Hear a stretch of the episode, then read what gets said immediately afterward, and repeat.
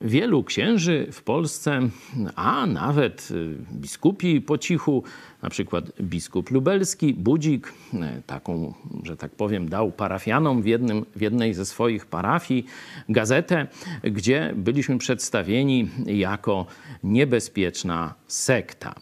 Czyli wielu tych ludzi mówi tak o nas do swoich parafian. Ja chciałem Wam pokazać, oczywiście to, że jesteśmy sektą, y, to jest y, dlatego, że stoimy na straży Słowa Bożego. Mówimy to, co Słowo Boże, staramy się być mu wierni. Opowiem Wam historię jednego y, z tych księży, którzy tak nas mm, oczerniał.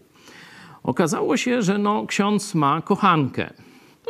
To już nie dziwota, tam większość księży, ponad połowa zdaje się, e, żyje w takich związkach. Był to związek stały, mieli też dziecko i tak dalej, i tak dalej. Mieszkał z nią oczywiście razem w jednym stali domku. Ona pełniła rolę gospodyni, on był księdzem proboszczem żyjącym w celibacie. No i pytany przez swoich parafian mówił, że o, to ten kościół Chojeckiego to jest bardzo, bardzo to, to zła, to sekta jest i nie należy słuchać i tak dalej, i tak dalej. Nie?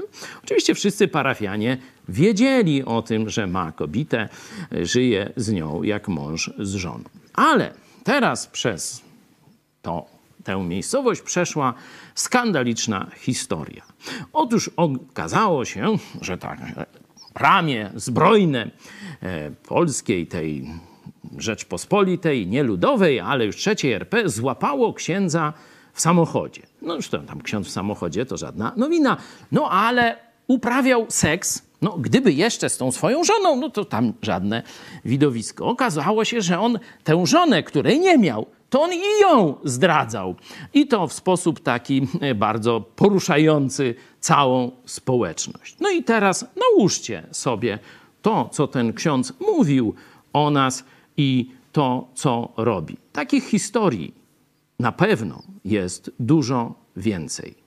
Dlatego, zanim ocenisz nas, otwórz Biblię i wykaż nam błąd.